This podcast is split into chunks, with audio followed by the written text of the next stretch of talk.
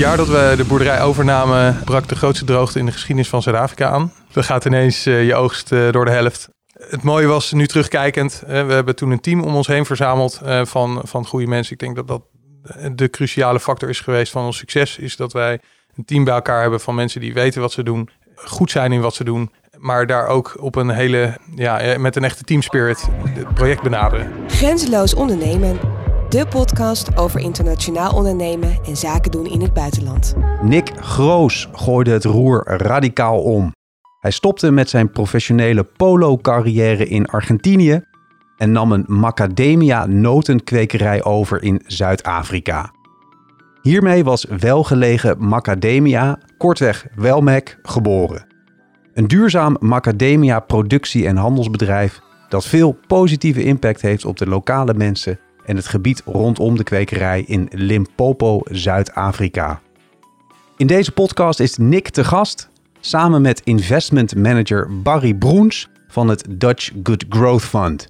Je hoort hoe Nick en zijn internationale team uitdagingen overwinnen met behulp van DGGF en hoe ze samenwerken aan een betere toekomst. Hola, bienvenidos. Mi nombre es Guillermo. Este, le doy la más cordial bienvenida a Grenzeloos Ondernemen. Ciao a tutti, sono Sara da Palermo in Italia. State ascoltando Grenzeloos Ondernemen. Ciao ciao. Hi, this is Paul T from the City of London in the UK. You are listening to Grenzeloos Ondernemen. Dit is Grenzeloos Ondernemen, de podcast over ondernemen en zaken doen in het buitenland. Met Volker Tempelman. Nick en Barry, welkom. Goed dat jullie erbij zijn. Dankjewel. Leuk om hier te zijn. Ja. Laten we er meteen induiken. Nick, uh, wat is Wellmac voor een bedrijf? Neem ons eens mee. Beschrijf eens waar dat is in Zuid-Afrika, Limpopo. Wellmac is in de essentie begonnen op welgevonden. Dat is ook de naam uh, komt daar vandaan. Wellmac, welgevonden macadamia. En onze boerderij die ligt uh, helemaal in het noordoosten van Zuid-Afrika. Ongeveer 100 kilometer van de grens van Botswana. Dus je moet je voorstellen dat je dan ongeveer 24 uur onderweg van deur tot deur. Ja, het laatste anderhalf uur rijden door de bush van Zuid-Afrika, waar de, de giraffen langs de kant van de weg staan en de apen door de bomen slingeren. Prachtige omgeving, natuur zoals we die in Europa niet meer kennen eigenlijk. Ja, dan kom je op onze boerderij. Waar wij van 850 hectare, dus dat is echt een significant grote. Als je in het midden staat, kijk je om je heen. Dat is eigenlijk ongeveer zover als je kan zien, is, is wel gevonden. Waar um, ja, eigenlijk uh, toen we die boerderij kochten, een jaar of vijf geleden, 60 hectare reeds in productie was uh, van macadamia's. Uh, toen stonden er nog ook mango's en lychees en guava's en andere dingen op. Was in 2016 hè? Ja, ja. Ten eerste is het gewoon prachtig om daar te zijn. Wat je daar ziet, ja, mooie dingen van slangen die in de bomen hangen. En het is echt nog gewoon, ja, je zit in het midden van de bush, zoals dat eigenlijk alleen nog maar in Afrika bestaat. Het is echt Afrika, Afrika. ja. ja. Echt Afrika, Je zit er middenin. Ja. Waarom ben je daar gaan ondernemen? Nou ja, het ondernemersbloed zit wel uh, bij ons in de familie. Uh, mijn vader is echt een ondernemer. Ook uh, de hele wereld over geweest. Van Singapore tot Zuid-Amerika zijn we geweest. we hebben nou ja, nu in Zuid-Afrika eigenlijk is het begonnen. Kwamen we bij toeval kwamen we op de macadamia op het spoor. Mijn vader die hoorde van iemand die eigenlijk zijn hele familie kon onderhouden van 10 hectare macadamia's. Nou, dan gaat bij hem het rekenmachientje lopen en denkt, nou, dat is een uh, mooie marge op zo'n product. Ja, zoektocht op het internet vond eigenlijk, uh, uh, ja, we zochten naar, dus naar een boerderij waar ontwikkelingspotentieel was en al wat in productie om je lopende kosten te kunnen dekken. En er waren er eigenlijk maar twee in de wereld te koop. En eentje was in Australië en die andere in Zuid-Afrika. Nou ja, Australië is natuurlijk veel duurder, veel verder weg. Operationeel is dat gewoon een stuk minder praktisch. Zuid-Afrika is eigenlijk recht naar beneden, dus je zit in dezelfde tijdzone. En het is maar 24 uur uh, reizen. Dus uh, ja, toen zijn we eigenlijk in het vliegtuig gestapt uh, een keer. En daar naartoe gegaan, gaan kijken. een jaar lang onderhandeld met die vorige eigenaar. Want ja, zie maar eens met een boer het eens te worden over de prijs van zijn land. Dat is een ja. van de moeilijkste dingen die er zijn. Ja, en toen na een jaar zijn we daar, zijn we daar uitgekomen. En hebben we die boerderij overgenomen en zijn we begonnen. Is het avontuur begonnen.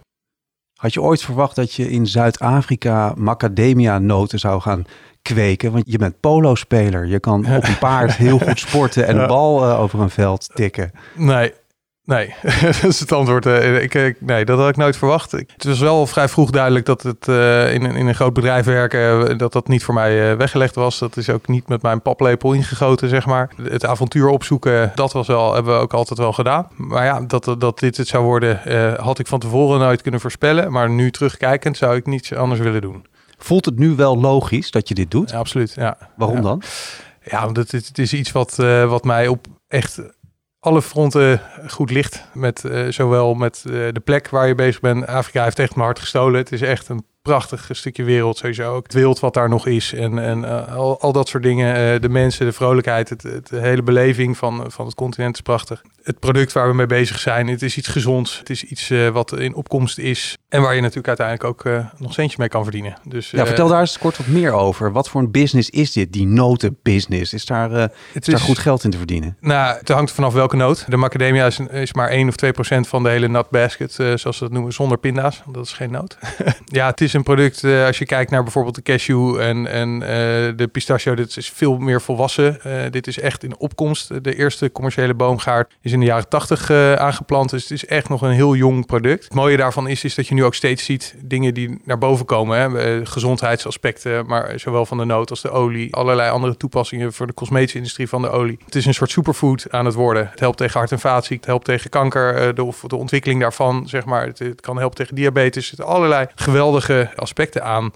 Naast het feit natuurlijk dat het gewoon super lekker is. Uh, dat is misschien nog wel het belangrijkste. Maar ja, die twee dingen combineren, uh, dat kom je niet zo vaak tegen in een natuurproduct, denk ik. Iets wat echt lekker is, wat, je ook nog, wat ook nog goed voor je is. En dus ook nog een enorm groeipotentieel. Absoluut, ja. ja ik denk dat we echt nog uh, staan aan in, de, in de beginfase van de macadamia. Als je ziet waar, hoe de bekendheid nu is bij mensen, die, ja, die hebben er wel eens een keer een gegeten. Hè, maar ik, ik denk dat dat, dat als, je, als we over vijf jaar of tien jaar zo'n gesprek hebben, dat je in alle shampoos uh, de macadamia-olie terug kunt vinden of in de huidscrempjes. En ook uh, natuurlijk nog steeds in de snacks. Want ja, het blijft natuurlijk gewoon een hartstikke lekkere noot om zo te eten. Ben jij ook een grenzeloze ondernemer en wil je weten wat er speelt? Abonneer je op de podcast, check grenzeloosondernemen.com en blijf altijd op de hoogte. Hoe ben je begonnen met Wellmac en hoe heb je dat betaald aan helemaal aan het begin in 2016? Een stuk eigen geld en een hypotheek van de bank. Zo hebben we die boerderij toen gekocht. Het eerste idee was ook echt om een soort van, ja, wat je zei net, ik was polospeler, maar ik moest toch een, zeg maar, grote jongensbaan uh, zien te krijgen. En um, ja, het was een soort van pensioenvoorziening voor mijn pa en een carrière voor mij, om het maar even zo uh, te noemen. Alleen kwamen we er al heel snel achter dat, uh, dat potentieel gewoon veel groter was dan alleen een family. Alleen, klinkt een beetje neerbuigend, maar om een family farm van te maken, er, was gewoon, de potentie is zo groot en die vraag van naar die nood is zo hoog. Ja, daar zagen we gewoon heel veel mogelijkheden. Dus toen zijn we met Force Effect Fund in, in contact gekomen. Dat is een partij die heeft toen in de eerste, in, in 2018 hebben zij een investering gedaan in ons bedrijf van toen 2 miljoen en later nog, nog anderhalf miljoen erbij. Waarbij we eigenlijk de hele keten hebben uitgebreid. Dus we, eh, we zijn begonnen met die boerderij. Echt aanplanten van de productie van de noot. Toen wij wilden uitbreiden kwamen we erachter dat je vijf jaar moest wachten totdat je uh, jonge boompjes kon bestellen bij een commerciële kwekerij. Nou, dus zijn we meteen begonnen met onze eigen kwekerij op te zetten. Nou, met het geld van Forest Effect Fund hebben we daar een professionele kwekerij van gemaakt die nu ook aan andere boeren in de omgeving verkoopt. We zijn ook verder in de voedselketen uh, gaan kruipen. Dus we zijn verwerking een stukje gaan doen. En we zijn nu ook begonnen met de eerste trade. Dus via onze eigen entiteit in Nederland uh, de noten vanuit Zuid-Afrika naar Intersnack uh, verkocht. En zo willen we eigenlijk de hele keten uh, van de macadamia beslaan. En, dat Wat waren de grootste uitdagingen in die beginfase? Waar liep je tegenaan waarbij je echt niet had stilgestaan? nou, het jaar dat we de boerderij overnamen, brak de grootste droogte in de geschiedenis van Zuid-Afrika aan dat hielp niet. Dan gaat ineens uh, je oogst uh, door de helft. Dat zijn dingen, uh, ja, mijn vader die al lang in de agri actief is, schrok daar niet van. Ik misschien wat meer. Denk, jeetje, wat gebeurt hier nou weer? Het mooie was, nu terugkijkend, we hebben toen een team om ons heen verzameld van, van goede mensen. Ik denk dat dat de cruciale factor is geweest van ons succes. Is dat wij een team bij elkaar hebben van mensen die weten wat ze doen. Goed zijn in wat ze doen maar daar ook op een hele, ja, met een echte team spirit het project benaderen. Dus iedereen die wil dit doen, iedereen die, alle neuzen staan dezelfde kant op. En op het moment dat er dus uh, ja, weinig cashflow de droogte, dus de resultaten vallen tegen. Het was allemaal heel anders dan dat we het hadden gepland in de eerste instantie. Maar iedereen is gebleven en iedereen schouders eronder en we gaan er wat van maken. Ja, ik denk dat dat, dat was eh, denk ik wel de eerste ja, moment dat ik denk, uh, uh, ja, dat is agri. Je bent afhankelijk van de mm -hmm. natuur en uh, ja, daar zitten bepaalde dingen gaan er gebeuren waar je je niet op, op kunt voorbereiden. Hoe is dat om met de Zuid-Afrikaanse mensen te werken? Want ik neem aan dat je die veel daar hebt op ja. de kwekerij. Ja, Nou, je, hebt eh, ehm, de Afrikaners, eh, dat zijn zeg maar de afstammelingen van de Nederlanders eigenlijk. En, en dat is ook precies wat ze zijn. Het is net alsof je in Nederland zaken doet. Dus eh, ik heb in, in, in het verleden in, in eh, Zuid-Amerika veel gedaan. Ja, waar je toch echt een heel erg significant cultuurverschil hebt. In de manier waarop je zaken doet met elkaar. En vooral vertrouwen viel mij, vond ik daar heel erg lastig. En, en dan merk je gewoon hier dat dat veel meer is zoals je dat gewend bent in Nederland. Ja, en je leert gewoon heel veel over hoe dat gaat met, met de lokale bevolking. De stam die onze, om onze boerderij heen woont. Hoe dat daar gaat. Ja, Ja, is- dat zijn de stammen die daar al eeuwen leven. Ja, gewoon, precies. eh, sinds, eh, sinds Ja. lang geleden. Ja, En dat is natuurlijk anders dan de, de afstammelingen van eh, de mensen die er ooit naartoe zijn gegaan. Ja, ja nee, dat het zijn ook echt, echt heel significant verschillende ja, soorten mensen. De manier waarop ze in het leven staan en, en door het leven gaan is, is gewoon heel erg verschillend. Degene die afstammen van de Nederlanders, zeg maar, dat, dat zijn echt net Nederlanders. En die, eh, ja, die, die stam, dat is nog jungle law. Die wonen daar gewoon met een, je hebt een chief en die bepaalt wat er gebeurt in die stam en wat wel en Ja. niet mag. En ja, zo gaat dat gewoon eh, nog daar. Dat is, ik, ik vind het prachtig om te zien, want het is echt een hele positieve mentaliteit die die mensen hebben. Zingend door de boomgaard lopen en, en eh, iedere donderdag hebben we een soort van prayer voordat het werk begint. En dan staan ze met z'n allen te zingen en te dansen. En ja, ik, ik, het is een heel prachtig stukje cultuur wat je echt alleen maar ziet als je daar zo bezig bent zoals wij dat doen. Ja. Check Grenzeloos Ondernemen 24-7 op grenzeloosondernemen.com. Ja, tof om te horen dat het eh, bij jullie op de kwekerij allemaal zo in harmonie gaat en eigenlijk alles ook wel goed gaat. Maar ja, Zuid-Afrika gaat niet altijd alles even soepel. Jullie hebben bijvoorbeeld veel problemen gehad met de elektriciteit. Hoe hebben jullie dat opgelost en hoe heeft het Dutch Good Growth Fund daarbij geholpen? Ja, dat was misschien wel eh, een van de grootste factoren die we... Ja, fouten kun je het misschien niet echt zo 1, 2, 3 noemen. We hebben een heel mooi systeem aangelegd op onze boerderij eh, voor de irrigatie. Waarmee we een, grote hoeveelheid waterbesparing eh, realiseren. We hadden dit systeem aangelegd en eh, toen begonnen ze met iets eh, wat, wat ze noemen load shedding. Zeg maar even de, de Eneco van Zuid-Afrika is niet in staat om heel Zuid-Afrika de hele tijd van stroom te voorzien.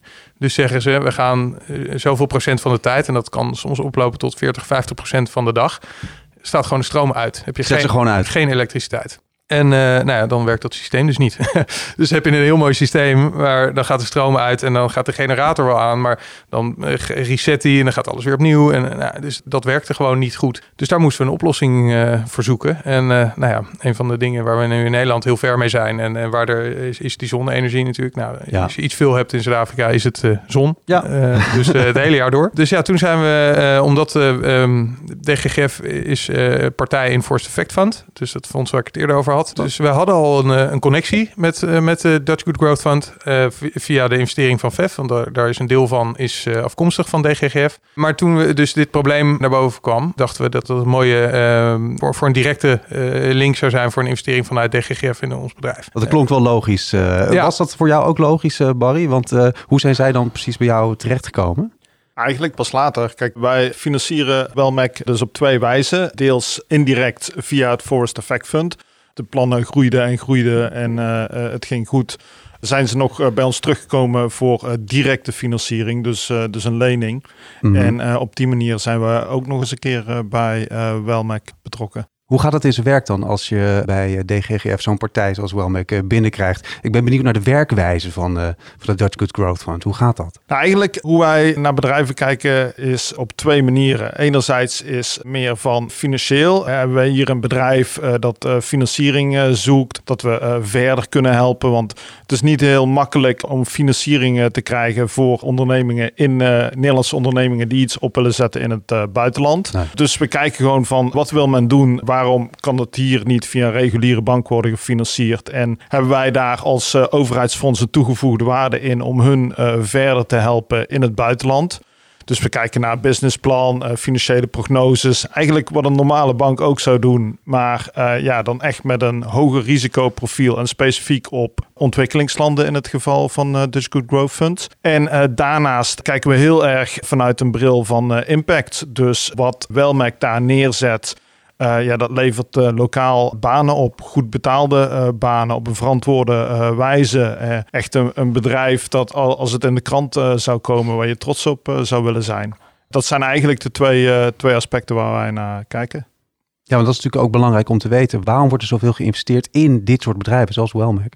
Wij doen dit vanuit een doelstelling om uh, ontwikkelingsimpact te creëren. Dus banen uh, in ontwikkelingslanden, kennisoverdracht, iets bijdragen aan de economie van die ontwikkelingslanden. Dat je daar het Nederlandse bedrijf in kwestie en de Nederlandse economie ook nog uh, mee helpt. Dat is een mooie tweede. En de financiering die wij verstrekken, of dat nou middels een lening is of een overheidsgarantie, dat is eigenlijk niet meer dan het middel. Kijk, wij eh, verwachten wel dat geld uh, terugkomt met een bepaald rentepercentage, zodat ons fonds niet leegloopt. Maar wij hebben geen winstdoelstelling. En onze toegevoegde waarde zit er dus uh, vooral in dat reguliere banken, of dat nou een Nederlandse bank is, die hier wel mee zou kunnen financieren, of een Zuid-Afrikaanse bank, die vinden dit soort investeringen vaak te risicovol om te financieren. Terwijl er toch gewoon echt gewoon een heel mooi idee achter kan zitten. En ook een uh, rendabel idee. Want ja, uiteindelijk willen wij ook gewoon uh, de lening uh, terugbetaald hebben. Maar tegelijkertijd gewoon echt, ja, creëert Welmec daar wel impact, banen en fantastische leven- en werkomstandigheden. De wereld wordt een beetje beter ook wel hierdoor. Absoluut, ja. Grenzeloos ondernemen is online overal terug te vinden. Klik, like share en join the movement. Wat heb je eigenlijk uh, concreet met die lening uh, of gift gedaan? Was het een lening of is het een gift? Nee, het is een uh, lening. Ik hoor, net, ik hoor net dat ik hem terug moet betalen. Dus dat is wel... nee. Wat heb jij er concreet mee gedaan met dat geld van DGGF? We hebben een heel zonnepark ervoor aangelegd. Dus wij, om dit, dit probleem te omzeilen, wilden we naar een situatie waar we gewoon off-grid konden opereren. Dus we hebben een uh, systeem nu aangelegd met uh, accu's en, en, en, zonnepanelen. Die uh, nu ons van alle stroom voorzien die we, die we nu nodig hebben. Maar ook straks modulair kunnen uitbreiden naarmate onze operatie daar steeds groter wordt. Want dat is natuurlijk ook het geval. We gaan steeds meer hectares aanplanten. Er komen steeds meer pumphouses bij. Er komt, komt een verwerkingsfaciliteit. De kwekerij wordt steeds groter. Al die dingen draaien allemaal op het zonnepark, uh, wat we dankzij deze financiering hebben kunnen aanleggen. En toen kwam corona om de hoek kijken en dan hm. mocht je weer een beroep doen op Barry. Ja. Hoe ging dat?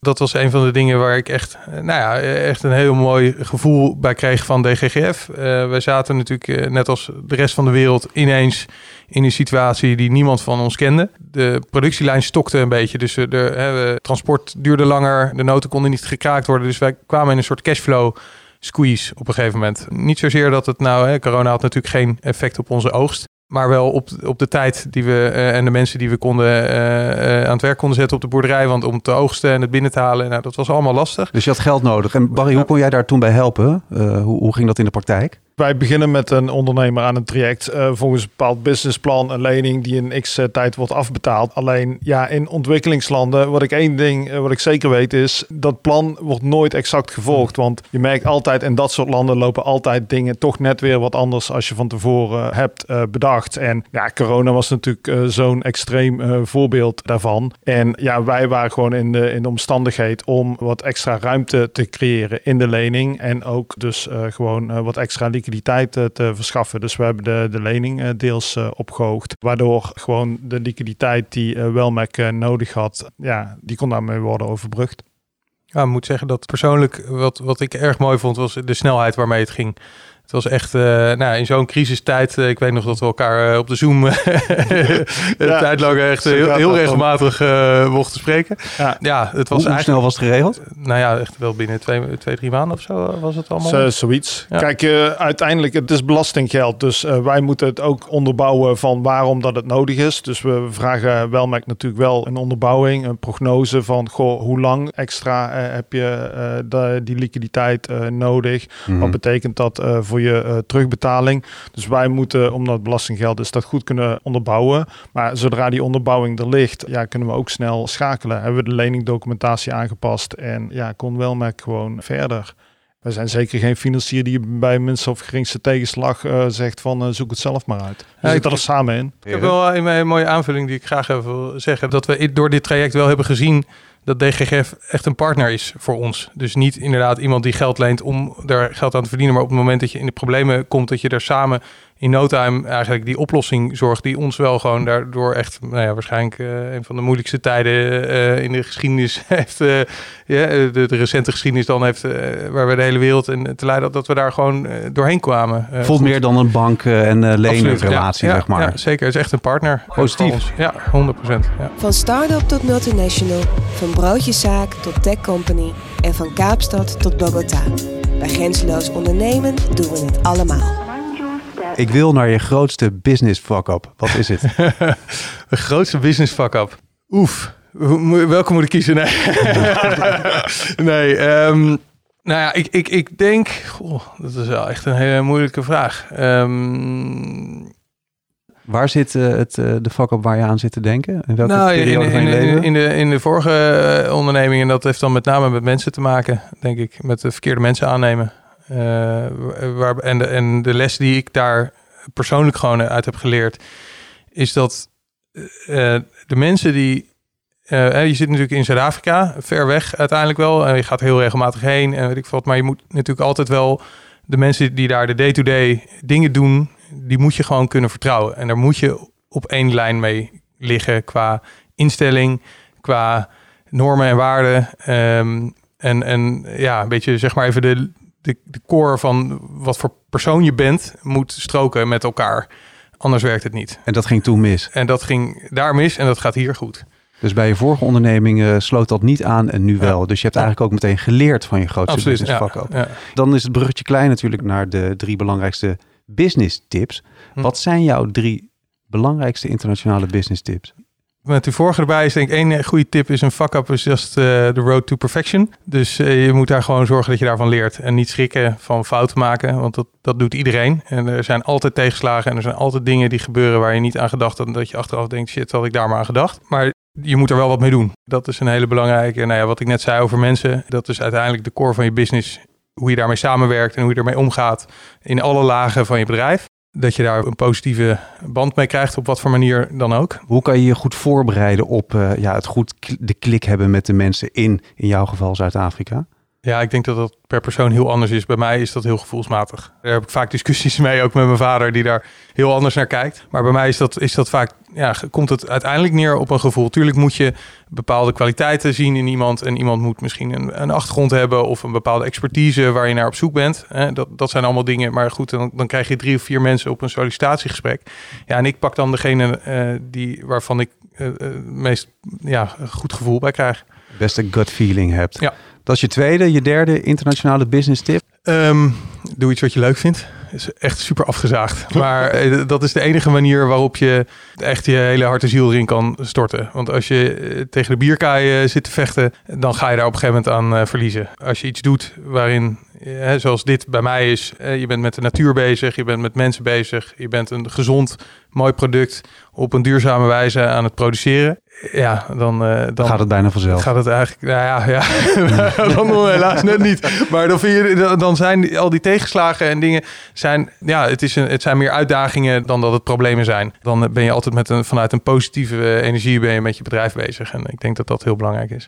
Barry, jouw drie belangrijkste internationale business tips. Want jij ziet er veel voorbij komen van die internationale ondernemers. Zeker, ja, zeker. Met stip op één zou ik eh, voorbereiding eh, zetten. Dus in ontwikkelingslanden ondernemen is gewoon niet makkelijk. Dus neem de tijd om gewoon zaken gewoon goed uit te zoeken hoe het werkt in dat land. Denk vooral niet dat eh, je huidige businessmodel zoals je dat in Nederland hebt, dat je dat één op één kunt overzetten naar een ontwikkelingsland. Gaat je niet lukken. Verdiep je ook in de regelgeving van dat land, in eh, de manier eh, van eh, zaken doen in dat land. En wat je allemaal tegenkomt als je daar een bedrijf op wil zetten. Echt een Maar- goede voorbereiding is essentieel. Absoluut, ja. En maak een businessplan. Sommige ondernemers zweren bij een bierveeltje, maar alsjeblieft schrijf het uit. Want op papier word je gedwongen om over zaken na te denken. En maak ook goede financiële prognoses. Want dan kom ik bij tip 2. het gaat altijd anders dan dat je van tevoren had eh, bedacht. En als je die goede voorbereiding hebt gedaan, dan eh, tip 2, dan, dan ben je ook flexibel. Dan weet je gewoon als met dit en dit eh, gebeurt, dan kan ik dat aan. Want het loopt altijd anders in tijd, in, in geld. En dan kun je daar makkelijker in, in schakelen. En denk tip 3 sluit heel erg aan bij wat Nicholas ook zei. Goede mensen. Ik denk dat het heel belangrijk is als je een goede mix hebt van niet alleen Nederlanders die denken dat, ze- dat ze lokaal de boel wel snappen en kunnen runnen, maar ook gewoon lokaal. Dus eh, zorg dat je team een mix is van eh goede mensen vanuit Nederland, maar ook eh, mensen eh, uit het land eh, zelf die gewoon goed de business mores eh, kennen en je dagelijkse eh, handen en eh, ogen daar ter plekke zijn. Duidelijk. Nick, waar sta je over vijf jaar? Over vijf jaar hebben wij misschien nog twee eh, boerderijen erbij. Is wel gevonden volledig in productie. Hebben we eh, misschien nog wel eh, een klein tipje van de sluier, een, een aanwezigheid in Europa. Hebben we een, ja, een verwerkingsfaciliteit die in, in Zuid-Afrika helemaal operationeel is. En, en gaat eigenlijk alle noten die wij produceren door onze eigen keten van begin tot eind. En hopelijk ook van de smallholder farmers in de regio. Dat zij via onze keten hun noten voor een fair price eh, op de markt kunnen brengen. Wat is er voor nodig om dat voor elkaar te krijgen? Dat wij eh, de weg die we zijn ingeslagen eh, vasthouden en doorzetten. En op deze manier onszelf verder blijven ontwikkelen. Gaat dat lukken? Ja, 100%. Nick, hoeveel procent van je succes heb je te danken aan je harde werk, je intelligentie en je doorzettingsvermogen? En hoeveel aan geluk? Oef. ik, zou, ik zou willen zeggen dat geluk een kleiner percentage is. Ik weet ook niet, ik vind het heel lastig om te zeggen wat is nou geluk en wat, is, wat komt vanuit jezelf. Want eh, als je het net hebt over gevoel, wat je hebt met mensen. Ik denk een heel groot deel eh, van ons succes hebben te danken aan de mensen in Zuid-Afrika eh, en, en hun inzet die ze doen voor ons. En ja, is het geluk dat je hun bent tegengekomen of is het goed ondernemerschap dat je ze hebt aangenomen? Ik denk een beetje van allebei. Daarbij gezegd hebbende is, is doorzettingsvermogen, eh, wilskracht, ehm, flexibel blijven, kansen zien en niet bang zijn om erachteraan te gaan. En dat je daar dan in het proces een keer op je bek gaat, eh, dat hoort er dan bij. We hebben eh, ook in het begin heel veel pech gehad. Wat ervoor heeft gezorgd dat we als team weer sterker zijn. Wat misschien dan ook weer geluk is met een ongeluk. Ben je een geluksvogel? Ja, ja. zo voel ik het wel, ja. ja. Dat waren ondernemer Nick Groos van Wellmac en investment manager Barry Broens van het Dutch Good Growth Fund. Een mooi duo dat laat zien hoe tegenwoordig op een moderne manier internationale zaken gedaan kunnen worden door ondernemers en overheid. Allemaal heel relaxed, zonder te veel gedoe. Als de inhoud goed en verantwoord is, dan zijn er genoeg mogelijkheden. We maakten deze podcast samen met de Rijksdienst voor Ondernemend Nederland. Wil je meer weten over de mogelijkheden van de RVO en het Dutch Good Growth Fund, waar Nick met Wellmac tot twee keer toe veel aan heeft gehad in Zuid-Afrika? Check dan hun site rvo.nl/dggf. Die link die staat natuurlijk ook in de beschrijving van deze podcast. Voor nu bedankt voor het luisteren. Ben benieuwd wat jij van de podcast vindt. Laat je horen en deel de podcast in je netwerk. Er zijn trouwens nog veel meer internationale podcasts van Grenzeloos Ondernemen. Van Hongkong tot Bogota en van New York City tot Albanië. Kan je gewoon luisteren? We zitten op alle grote podcastplatforms. Even doorklikken op de site en abonneren in je eigen favoriete podcast-app.